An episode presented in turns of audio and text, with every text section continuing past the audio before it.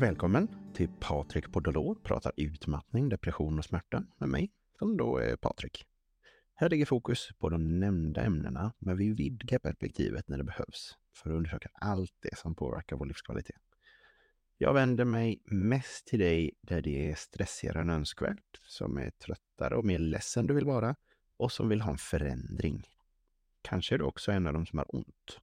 Våra bekymmer och anledningarna till dem varierar, vilket kräver bredd. Så i varje avsnitt försöker jag hitta något som kan hjälpa dig genom ja, att reflektera kring och belysa något problem, förklara något koncept eller komma med någon hjälpsam insikt. Jag förklarar praktiskt taget uteslutande grundinformation eller resonerar kring sånt som har varit användbart kliniskt tidigare. Tanken är att jag ska kunna dela med mig av det som jag tar med mig från goda böcker, reflektioner eller rent av kundmöten, coaching och terapitimmar. Och härigenom kunna delge det till desto fler. Vi provar och så får vi se om jag kan hjälpa till med någon insikt.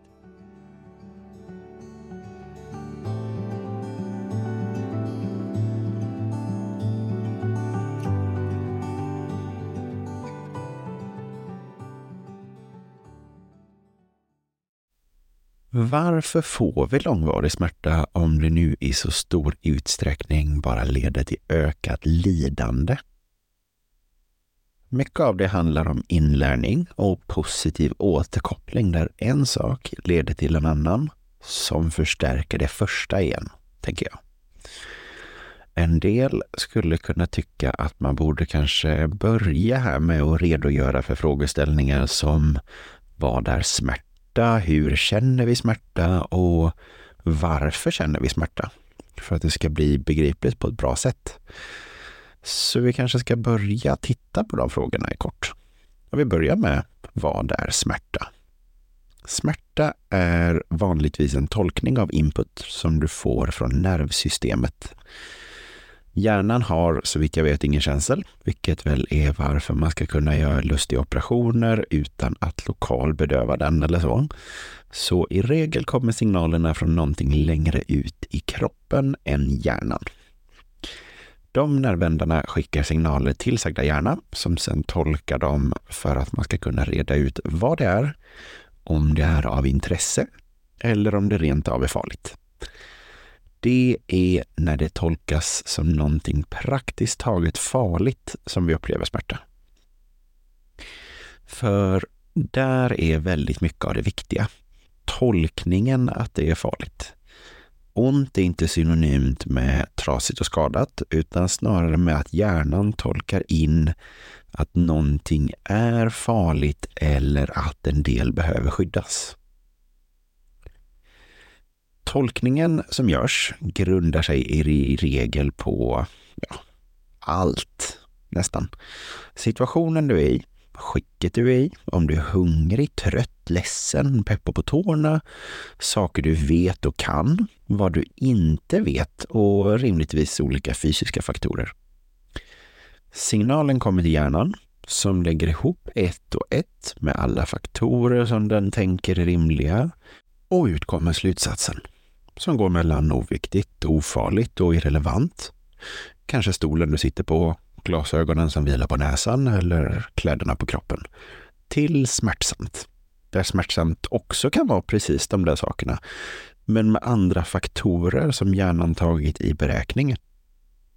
Efter ett fall på svanskotan eller en förlossning så är det kanske inte harmlöst att sitta på en stol längre efter för mycket tid i solen och med en rejäl brännblåsa på näsan så är det inte utan att det märks om man sätter på sig glasögonen.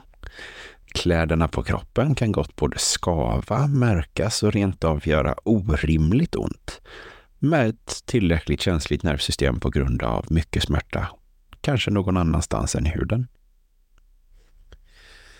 Hur känner vi smärta? Hur vi känner smärta kom vi in på något så när när vi tittade på den här vad smärta är. För att frågorna går lite hand i hand. I regel börjar det med att någonting påverkar nerver på något sätt. Man kanske klämmer ett finger, upplever varmt eller kallt från någonting, skär sig eller stukar någonting. Man kan skada något som ger inflammation eller få till svullnad av en skada som skapar tryck. Alla de olika påverkar nerver i området som signalerar till hjärnan via ryggraden. Det är en ganska binär signal som bara påverkas med mer eller mindre. Och den är inte alltid någon klockren grej som berättar hela sanningen för om det ska göra ont eller inte. Den är första delen i vad som normalt ger helt normal smärta. Här är någonting som pågår. Sen kommer vi till hela tolkningen som nämndes. Hjärnan lägger ihop signalen den fick med allt den vet, tror, kan och allt annat. Och så kommer slutsatsen ut som ont, en känsla av något eller något hjärnan struntar i helt. Som den ju gör med väldigt mycket input. Hade den reagerat på allt och låtit dig veta om och påverkas av allt skulle det bli stört omöjligt att fokusera på någonting och fått gjort någonting på ett bra sätt. Men varför känner vi smärta då?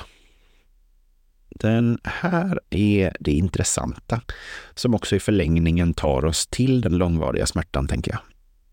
Den är där som ett varningssystem i väldigt stor utsträckning. Smärtan försöker berätta någonting för dig och berätta att någonting skulle kunna vara vanskligt. Ibland har den rätt och ibland har den absolut inte det.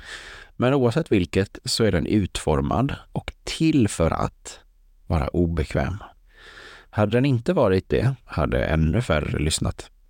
Nu är den obekväm och då låter man oftare bli och göra det som den varnar för. Så länge smärtan är funktionell och gör det den ska i rätt dos så fungerar det riktigt bra egentligen. Problemet är när det inte slutar. Kanske då för att det finns för mycket som tolkas som, ja, som trasigt på något sätt. Som kanske vid Ehlers-Danlos syndrom, EDS, där strukturer i regel är väldigt mjuka för att bindväven inte är lika stark och stram som hos andra. Där blir det ofta att det signalerar smärta för att ja, saker dels går sönder lättare, men också för att de påfrestas mer när muskler behöver ta i mer för att praktiskt taget hålla ihop kroppen. Till viss del kan det säkert också bli att det gör ont för att man sträcker ut saker opassande mycket, för att det är svårare att få till ett naturligt stopp. Ett annat skäl till att det inte slutar göra ont är att varningsklockan är trasig, för att använda någon slags metafor som jag ständigt återkommer till. Så blir det mer eller mindre av långvarig stress, tänker jag. Men det blir också en metafor som funkar ganska bra när något gör orimligt ont på grund av att vi har lärt oss fel. För det är inte sällan en del av det som händer vid långvarig smärta. Smärta är stressande. Det är ett obehag som du helst vill undvika. Du ska vilja undvika det. Och med tiden är det vanligt att se att det övergår i en rädsla för smärta, vilket är helt rimligt. Den rädslan leder sen ofta till en rädsla för rörelse, för att rörelsen leder till smärta. Sen går det runt, runt med smärta, rädsla och inaktivitet. Poängen är att vi ska undvika smärtan eftersom den är obehaglig. Så vi borde bli rädda för och vilja undvika smärtan. Rädslan för smärta förvandlas till en rädsla för rörelse eftersom rörelse ofta framkallar sagda smärta på ett eller annat sätt. Så smärtan får dig att undvika aktivitet när rörelse generellt är bra för dig och ett sätt att bli friskare och få mindre ont. Rädslan för rörelse är vad vi kallar kinesiofobi. Och här är ett typexempel på den där positiva återkopplingen som jag nämnde innan. Och ja, kanske en av de vanligare när det kommer till smärta. Ju mer tid vi ägnar åt att göra något, desto bättre blir vi på det. Ju mer det sker, desto mer fortsätter det att ske eftersom vi blir känsligare för smärta ju mer vi upplever den. Och smärta är någonting som vi lär oss snarare än en bra objektiv värdering av en skada. Det som många som har ont missar är att smärta snarare är ett system som finns där för att varna dig än ett system som talar om för dig hur skadad du är. När man blir bättre på att känna smärta får man mer. När man får mer smärta och har det längre tid kopplar man i allmänhet smärtan till fler saker. Inklusive aktiviteter och rörelser och platser, tankar och allt annat som kan finnas. Ju mer det händer, desto mer fortsätter det om det inte finns en genomtänkt lösning som du aktivt går in för när du försöker förändra saker och ting. Beteenden, tankesätt och känslor, ja men de fungerar på samma sätt. Gör något och du kommer fortsätta göra det för att du kommer bli bättre och bättre och det blir mer av en vana. Du kommer troligtvis att göra det mer och mer och mer och mer. Ju längre du håller på med beteenden, desto hårdare fastnar de och det blir svårare att ändra. Och det funkar med smärta, tankemönster vid depression, ångest och väldigt mycket annat också. Man kan göra massor av dumma saker väldigt mycket och ofta och det gör de inte mer och mer rätt. Allt vi gör och övar är färdigheter, så vi blir bättre på allt vi gör. Gör mer, bli ännu bättre. Du kommer inte få mindre smärta utan du blir proffs på att känna smärta. Och det är det här vi kallar central sensitisering. När hjärnan blir ännu känsligare för smärta. Ett ganska bra experiment för att understryka hur det fungerar är om du slår dig på din egen arm upprepade gånger. En gång är oftast okej, okay, om man inte tar i väldigt. Och så blir du lite öm. Sen blir det mer och mer obehag för varje slag, även om du slår med mindre och mindre kraft. Det behöver inte vara någonting som går sönder. Det behöver bara varnas för att det kanske kommer att hända. Och det är kärnan i vad som händer med långvarig smärta. Men den kommer som en paketlösning där du får andra saker också. Antingen som någonting du lär dig, ofta då att någonting specifikt gör ont eller är obehagligt, vilket ger en mer negativ känsla när du ägnar dig åt eller tänker på det. Eller snarare som symptom där kroppen och hjärnan kommer med ytterligare något oönskat som i regel gör livet jobbigare. Inlärd hjälplöshet kan vara ett sådant symptom, även med smärta. Det är per se något man lär sig. Smärta är mer eller mindre ett verktyg för hjärnan att säga nej och varna dig. Om du får ständiga påminnelser om att du inte ska göra det här, det där eller praktiskt taget någonting någon gång för det gör ont och du får stryk när du får höra det, ja, då lär du dig snart hur meningslöst allting och att det är onödigt att försöka. Andra delar av paketet med symptom är som bekant då utbrändhet av den långvariga stressen som, eh, som blir av smärtan och depression som vi har sagt som hänger med det ledsamma i att allt gör ont.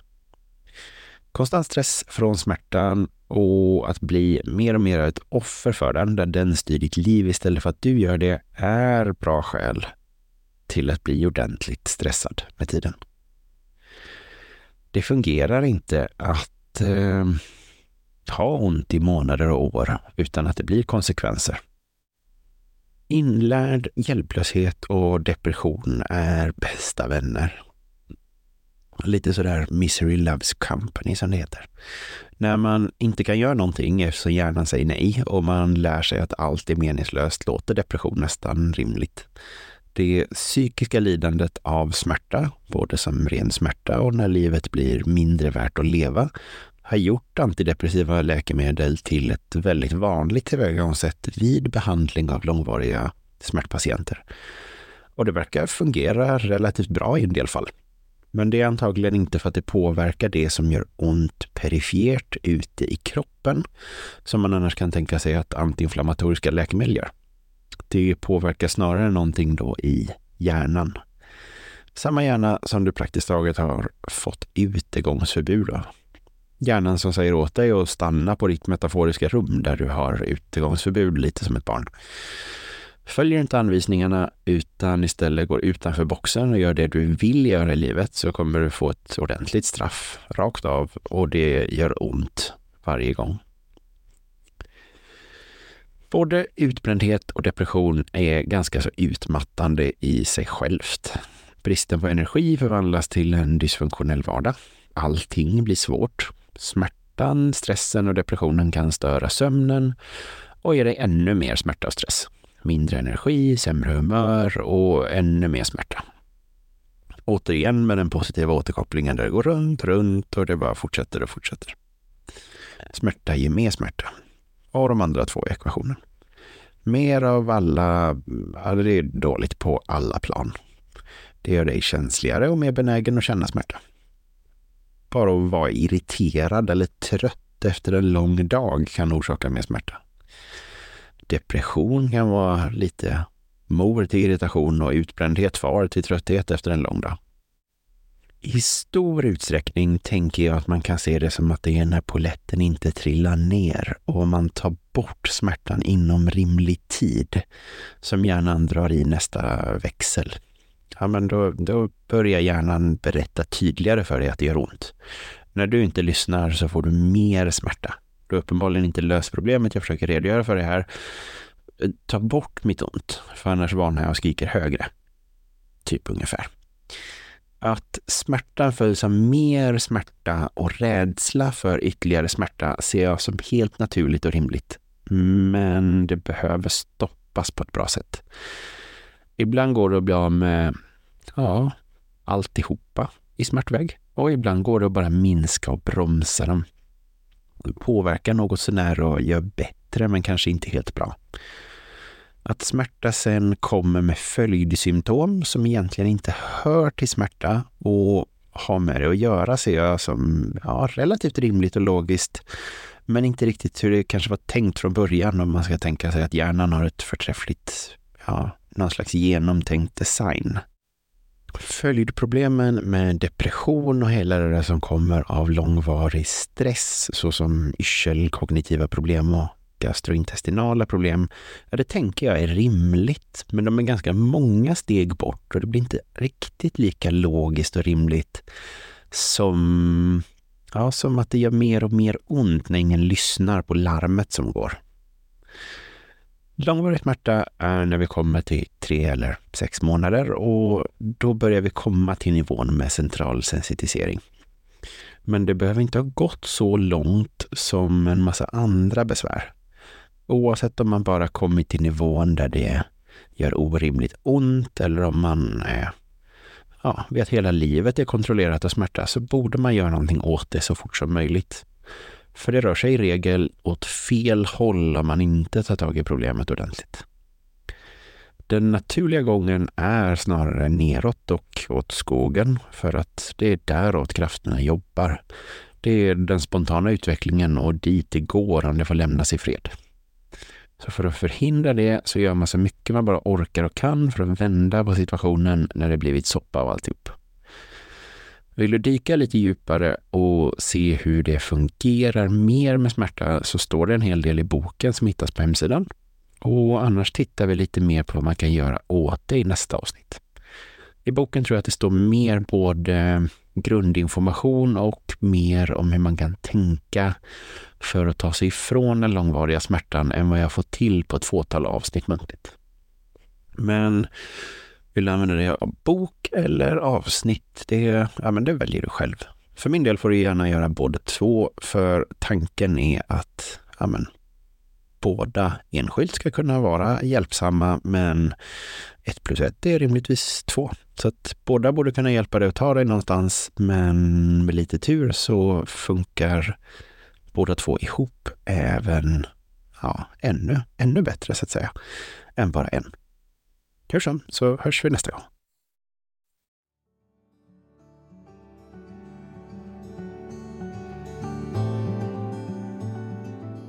Tack för att du lyssnade.